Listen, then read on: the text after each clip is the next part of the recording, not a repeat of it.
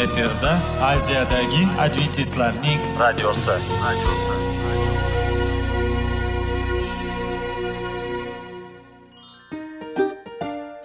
assalomu alaykum radio tinglovchimiz dasturimizga xush kelibsiz va bizni tinglayotganingizga sizdan judayam minnatdormiz bugungi bizning dasturimizning nomi sog'liq daqiqasi deb ataladi va biz sizlarga bu dasturda mevalarning foydasi haqida so'zlab bermoqchimiz ya'ni uning tarkibi uning tarixini va foydali xususiyatlari haqida. Aziz do'stlar mevani iste'mol qilish kerak ekan va biz boshladik ketdik. Sog'liq daqiqasi soliqning kaliti qiziqarli ma'lumotlar faktlar. Har kuni siz uchun foydali maslahatlar. Sog'liq daqiqasi rubrikasi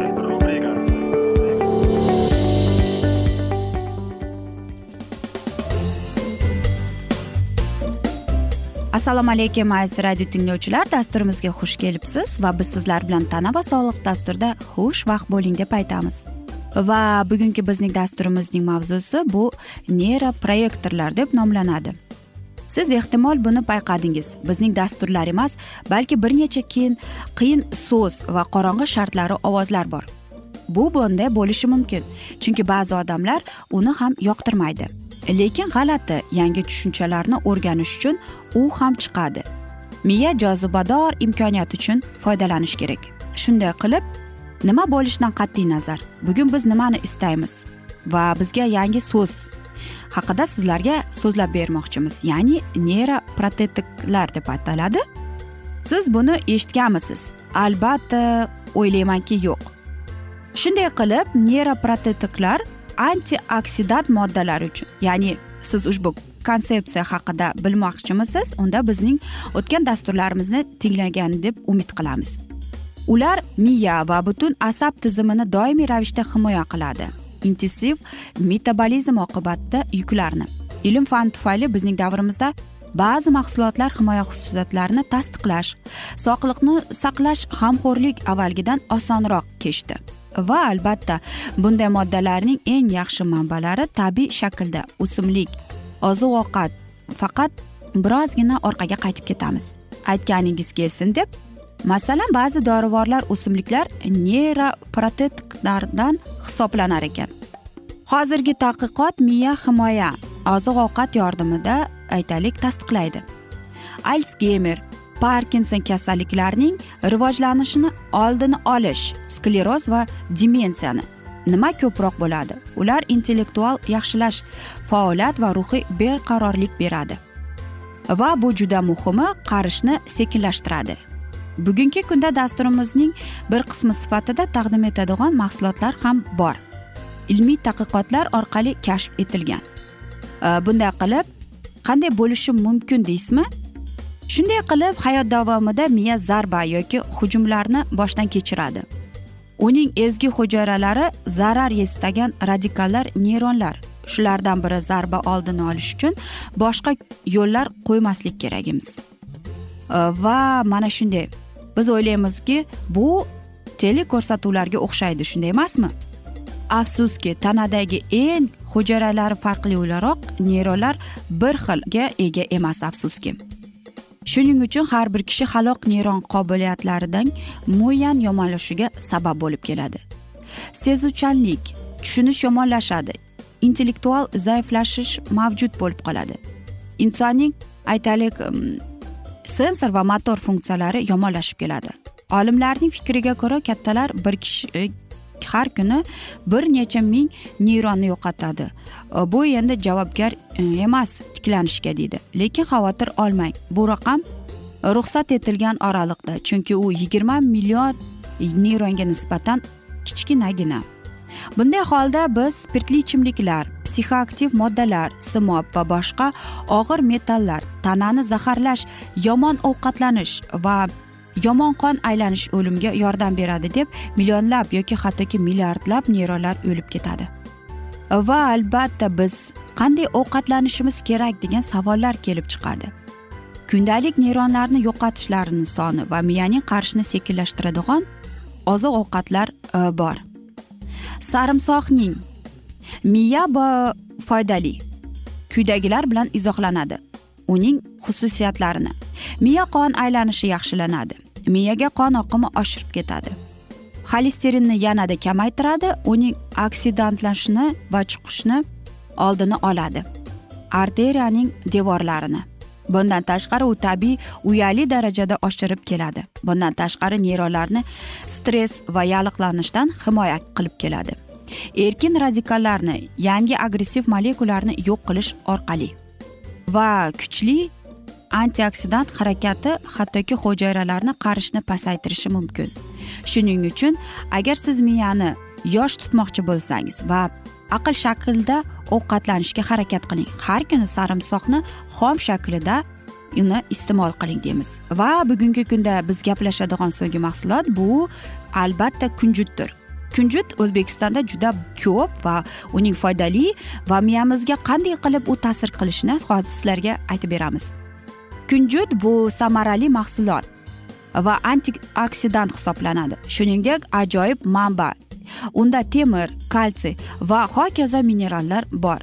Laboratoriya sichqonlari bilan tajribalar kunjut yog'i miyaning shikastlashdan joylarini tiklanishni tezlashtirish uchun ko'rsatilgan ekan. Ishemiya qurbonlari qon ta'minotini yetishmasligi. Tufayli birining ustiga arteriyaning shuning uchun kunjut urug'lari va yog'i har bir kishi uchun foydalidir. Va eng muhimi u aytaylik qon ta'minotini aziyat chekmoqdagilarga yordam berib keladi aziz do'stlar. Va hattoki sizning xotira yo'qolishingizga ham tiklashga yordam berib keladi. Va xulosada aytmoqchimanki mana aziz do'stlar bu juda qiyin emas. Sarimsoq yenglar smorodina kunjut urug'lari va siz bilan bizning neyronlar quvnoq va sog'lom bo'ladi. Lekin albatta bu neyroprotetiklarni o'z ichiga olgan yagona mahsulot emas. Biznikilar quyidagi dasturlarni biz boshqa mahsulot uchun foydalanish mumkin va sizga nima kerakligini aytib beramiz. O'zingizni miyangizni va biz o'zimizni tanamizni qanday saqlab qolish uchun. Shunday ekan hech kimni mana shunday dasturlarni boy bermang. Aziz do'stlar va mana shu alfozda biz dasturimizni yakunlab qolamiz. Afsuski dasturimizga vaqt birozgina chetlatilgani sababli va men umid qilamanki siz bizni tark etmaysiz deb chunki oldinda bundanda qiziq va foydali dasturlar kutib kelmoqdalar. Va albatta sizlarda savollar paydo bo'lgan bo'lsa biz sizlarni salomat klub internet saytimizga taklif qilib qolamiz. Va biz sizlarga va oilangizga sog'lik salomatlik tilagan holda yuzingizdan tabassum hech ham ayrimasin deb o'zingizni va yaqinlaringizni ehtiyot qiling deb omon qoling deymiz.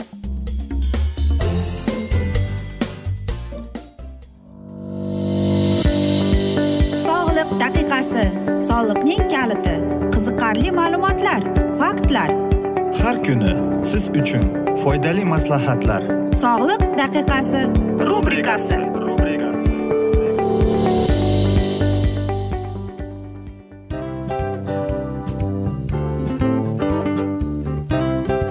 Mana ha hayotda hamma narsaning yaxshi narsalar tugaydi va yakunlaydi degandek bizning dasturimizga ham yakun keldi. O'ylaymanki bizning dasturimiz sizga foydali bo'ldi deb aziz radio tinglovchimiz. Va siz o'zingiz uchun kerakli xulosalar kerakli maslahatlar olib oldingiz. Aziz radio tinglovchimiz biz bilan qoling va keyingi dasturlarimiz albatta undanda qiziqroq bo'ladi. Mana shu alfozda sizlar bilan xayrlashib qolaman.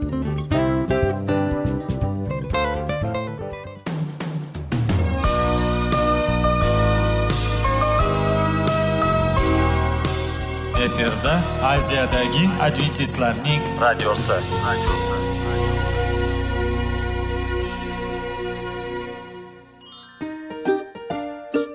Assalomu alaykum aziz radio tinglovchilar. Dasturimizga xush kelibsiz.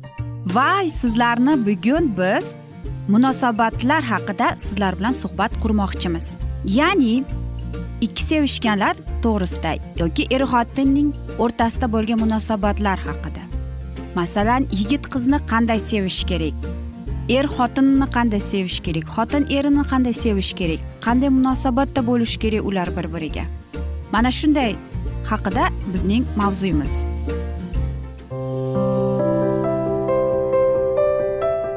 Har kuni har xil kasbdagi odamlar bilan sirlashish va bo'lishish sevgi rashq munosabat bularni hammasi izhori rubrikasida.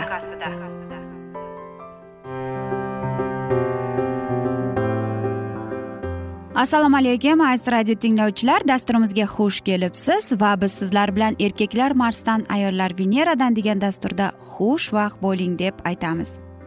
Albatta mana shunday dasturlarda biz sizlar bilan nega biz erkak va ayollar bir birimizni tushunmaymiz va qanday tilda biz bir birimiz bilan suhbat quramiz deb mana shunday mavzularni ko'targan edik. Va biz bugungi dasturimizning mavzusi nega erkaklar cho'zilish kerak deymiz. Ya'ni oddiy so'z bilan aytib qaraganda nega erkaklar birozgina ozod bo'lishi kerak deb nomlasak bo'ladi. Va aziz ayollar aytingchi nega shunday deb o'ylaysiz? Qarangki tabiatdan erkak kishiga e, avtomatik tarzda ikkita narsaga muhtoj ekan. Ya'ni yaqinlik va mustaqillikka. Va mana shunday erkaklar mana shunday tuyg'uni albatta aytaylik nimadan kelib chiqadi? Qachonki u o'zining sevgilisini mamnun qilgandan keyin ya'ni e, o'zini sevgisini to'ldirib va sevgisiga bor narsani bergandan keyin albatta u cho'zilishi kerak. Ya'ni jichchagina ozodlik bo'lishi kerak. Ammo lekin ayol kishi esa albatta vahimaga tushadi. Va mana shu alfozda albatta erkak kishi tushunmaydi. Nega men mana shunday deydi ozodlik bilan to'yib keldim va u boshidan xuddi hech narsa bo'lmagandek mm, sevib sevilamiz deydi. Ayollar bu narsani tushunmaydi va albatta erkak kishi mana shu ikkita narsaga muhtoj.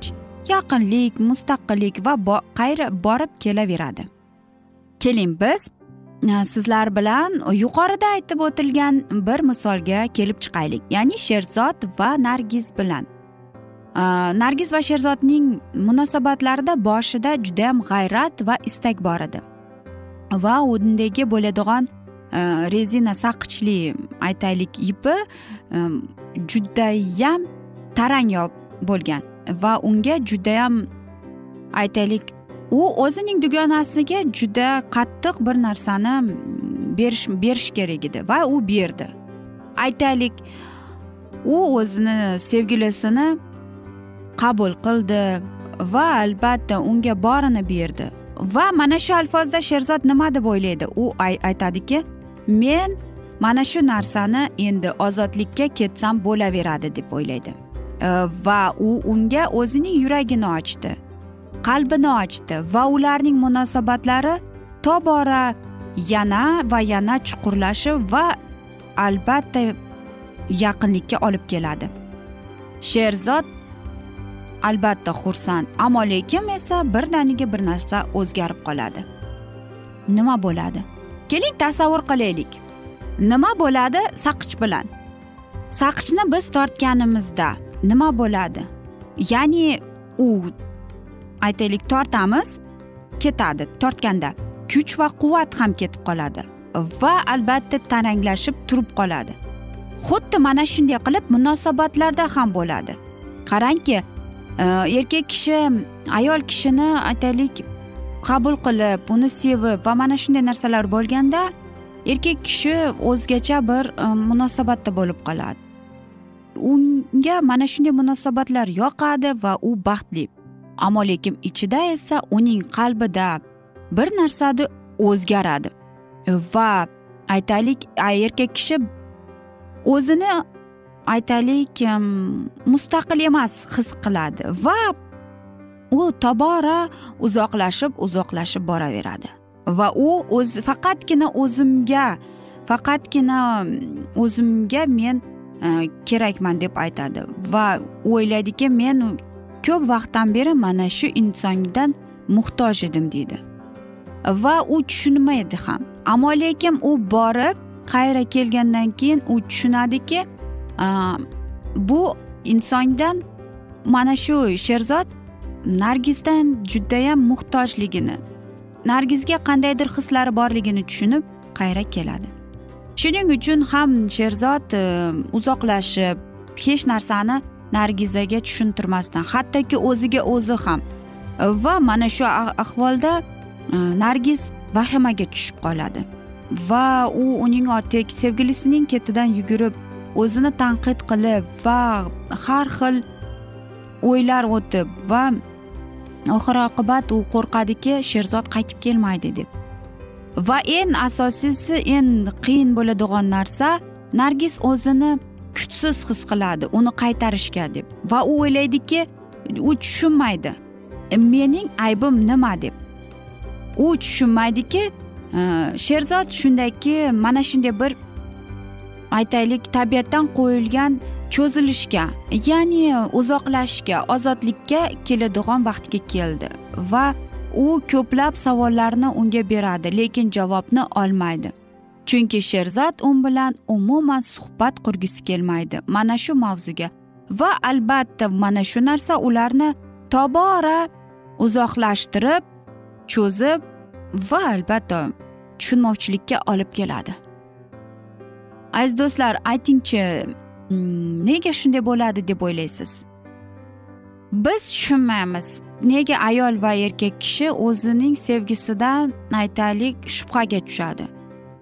Aytaylik sherzod ham o'zini tushunmaydi. Nima bo'layotganini. Nargiz umuman tushunmaydi. Nargiz o'ylaydi sherzod meni boshqa tushunmaydi deb. Lekin sherzod biroz vaqt o'tgandan keyin qaytib keladi va har safar mana shunday bo'lganda e, nargiz vahimaga tushib qoladi. Lekin ba'zi bir suhbatlarimizdan keyin nargiz ayblarini va bu yerda uning aybi yo'qligini tushunib yetadi. Va har safar ular sherzod ozodlikka chiqqanda nargizni oldiga qaytib kelardi. Va ba'zida sherzod o'ylardiki men nargizni sevmayman deb va ketib qolardi. Ammo lekin bir muncha vaqtdan keyin yana qaytib kelaverardi. Mana shunday alfozlar judayam ko'p edi. Har safar nargiz o'zini aybdor his qilib ammo lekin u ishonar edi.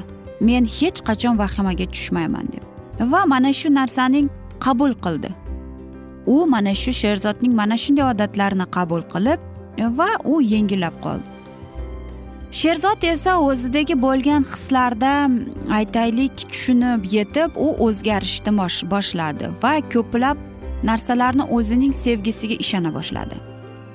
Va qarangki nargiz va sherzodning omadi shundaki ular tushunib va mana shu faktni qabul qilishdi.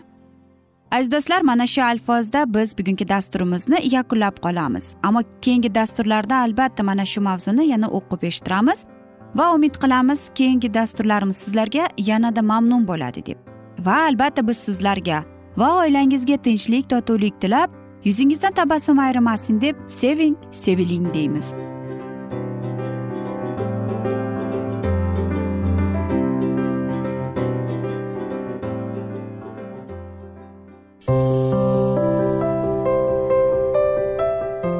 Kuni har xil kasbdagi odamlar bilan sirlashish va bo'lishish sevgi rashq munosabat bularni hammasi dil izhori rubrikasida.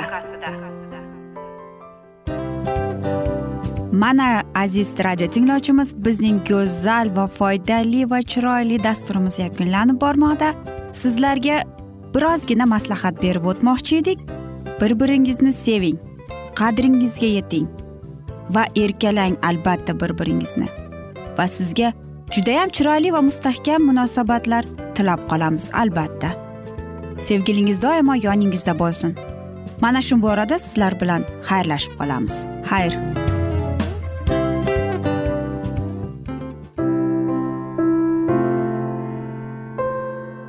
Hayotning noni. Qiziqtirgan savollar va javoblar. Buning hammasi ko'ngil uchun oziqa rubrikasida.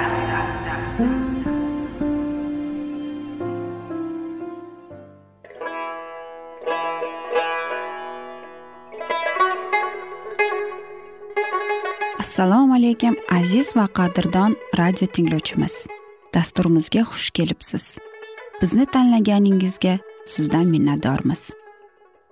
Va keyingi bizning E, mavzuyimiz diniy masalasiga kelib chiqadi. Albatta hayot davomida bizni ko'plab qiziqtirgan savollar bordir. Va mana shu savollarga qayerdan javob olsam ekan deb o'ylanib chiqamiz. Yoki hayotning ma'nosi nimada deb o'ylanamiz. Mana shunday dasturlar o'ylaymanki siz sizga foyda bo'ladi deb. Aziz do'stlar e, bugungi bizning mavzuyimizning nomi vahiy kitobning ochilishi. Ya'ni bu muqaddas kitobda shunday deb yozilgan. Vahiy kitobning bizga bo'lgan buyuk sovg'asi deb. Albatta mana shunday kitobni eshitib quloq solib e'tiborli bo'lsak biz o'zimizning qiziqtirgan hayotning ma'nosini tushuntirgan bizni kelajakda nima kutayotganini mana shu kitobdan bilib olamiz albatta. Va xudoyim bizga qanday rejalar ochgan bizga qanday kelajak kutayotganini aynan mana shu kitobda yozilgan va bizga mana shu kitob orqali xudoyim bizga aytib bergan. Keling aziz do'stlar mana shu kitobni e'tiborli va yaxshilab quloq solib va chuqurroq nazar solaylik shu muqaddas kitobga. Assalomu alaykum aziz radio tinglovchilar dasturimizga xush kelibsiz. Va biz sizlar bilan ulug' kurash degan kitobni o'qib eshittirayotgan edik. Va bizning bugungi dasturimizning mavzusi knyazlarning isyoni deb nomlanadi. Keling biz sizlar bilan o'tgan galgi dasturimizni bugun davomini o'qib eshittiramiz. Knyaz saksonskiy mulozimlarni bilan augsburgga jo'nadi. Unga keladigan xavf xatar hammaga ma'lum edi. Ko'pchilik uni xomush kuzatib qoldilar. Ammo ularni koburggacha kuzatib borgan lyuter zabur xonishlari bilan zaiflashib qolgan ishonchlarga dalda berdi. Bu xonishlar ularning ketishlari munosabati bilan yozilgan edi. Rabbiy bizning kallamiz degan ilhomlantiruvchi qo'shiq ko'ngil sezib turgan oxir hissiyotlarni va xavf xatarni yengillashtirdi. Knyazlar islohot tarafdorlari o'zlarining qarashlarini bir tizimga solishga va muqaddas kitobdan iqtiboslar olib dalil isbotlar bilan mustahkamlab qog'ozga tushirganlaridan so'ng bu hujjatni semga taqdim qilishga qaror qildi. Bu hujjatni tuzish lyuterga milanxondga va ularning yordamchilariga topshirildi. Bu e'tiqod protestantlar tomonidan ularning iymoni ramzi sifatida qabul qilingan edi. Bu muhim hujjatga imzo chekish uchun ular yig'ildilar. Qanchalar jiddiy mas'uliyatli lahzalar. Islohotchilar siyosiy masalalardan o'zlarini olib qochishga harakat qildilar. Islohotning asosiy maqsadi xudoning kalomini xalqqa olib borish ekanligini ular tushunib turardilar. Protestant knyazlar ishlab chiqarilgan hujjatga imzo chekishga tayyorlanganda milanxon ularni shunday deb ogohlantirdi. Bu ishni ilohotchilar va jamoat xizmatchilari qilsinlar. Bu buyuk olamning obro'larini boshqa masalalar uchun saqlashimiz kerak. Meni ro'yxatdan chiqarishingizni xudo taqiqlasin deb xitob qildi iyogan saksonskiy adolat nimani talab qilsa men shunga tayyorman. Buning oqibatlari meni aslo xavotirga solmaydi. Men hammaning oldida rabbiyga tavba qilmoqchiman. Men uchun hakamlik vakolatidan va knyazlik mantiyasidan iso masih hoji qadrliroq. Shu so'zlarni aytib u imzo qo'ydi. Boshqa knyaz qo'liga ruchkani olib shunday dedi. Agar buni rabbiy iso masihning sharafi talab qilayotgan bo'lsa men boyligimni va hayotimni berishga tayyorman. Men mana bu hujjatda bayon etilgan tamomila javob bera olmaydigan ta'limotni qabul qilishga rozi bo'lishdan ko'ra deb davom etdi u. O'z mol mulkimdan voz kechaman. Qo'limda hassa bilan ota bobolarimning yerini tark etaman. Qanchalar imoni kuchli bo'lgan edi xudoning bu jasur o'g'onlarining imperator oldida hozir bo'ladigan payt keldi. Karl beshinchi boylar va knyazlar qurshab turgan taxtada o'tirdi va protestant islohotchilarni qabul qildi. Ularning iymoni ramzlari o'qib eshittirildi avgustning ulug' zotlari yig'inida injil haqiqati ochiq va lo'nda qilib bayon etilgan. Papachilarning xatolari esa ko'rsatildi. Bu kun bekorga masihiylik va insoniyat tarixida ajoyib kun va islohotning buyuk kunlaridan deb biri aytilmagan edi. Vittenberglik rohib vormsdagi milliy kengash oldida yolg'iz o'zi turgandan so'ng bir necha yil o'tdi. Endi uning o'rnida imperatorning eng aslzoda va qudratli knyazlar paydo bo'ldilar. Augsburgga kelishga lyuterga ruxsat bermadilar ammo lyuter u yerda o'z so'zlari va ibodatlari bilan ishtirok etdi. Men shu lahzagacha masih nomi ana shunday ajoyib yig'in oldida ochiq guvohlik bergan kungacha yashaganimdan boyat xursandman deb yozgan edi. Bitikdagi so'z shu tariqa bajo bo'ldi. Shohlar oldida shartlagiday so'rayman deydi. Havoriy pavlus o'z davrida injil uchun zindonda yotib azob chekkan edi. Pavlus shohlar oldida va rim aslzodalari oldida xushxabarni vaz qilgandi.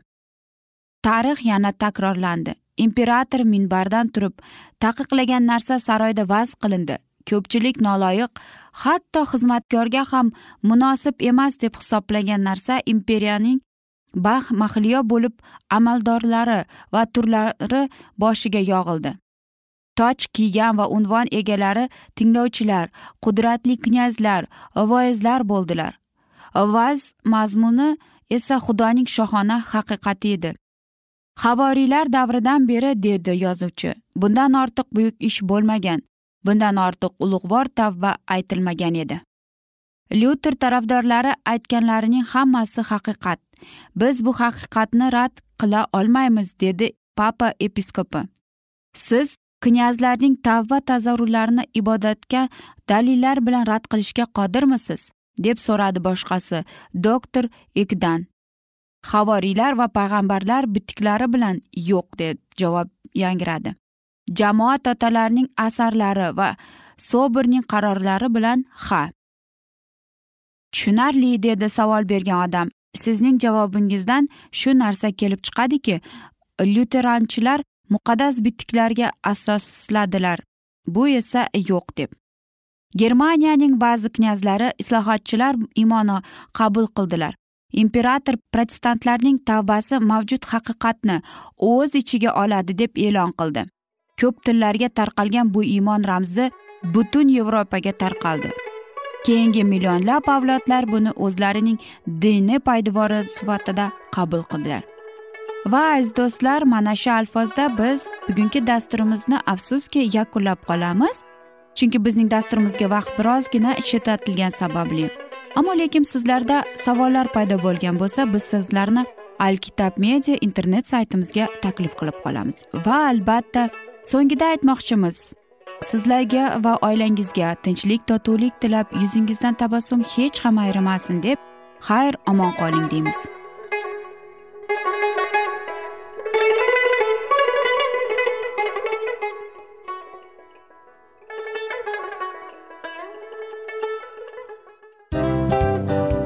Mana aziz radio tinglovchimiz hamma yaxshi narsaning yakuni bo'ladi degandek bizning ham dasturlarimiz yakunlanib qolmoqda.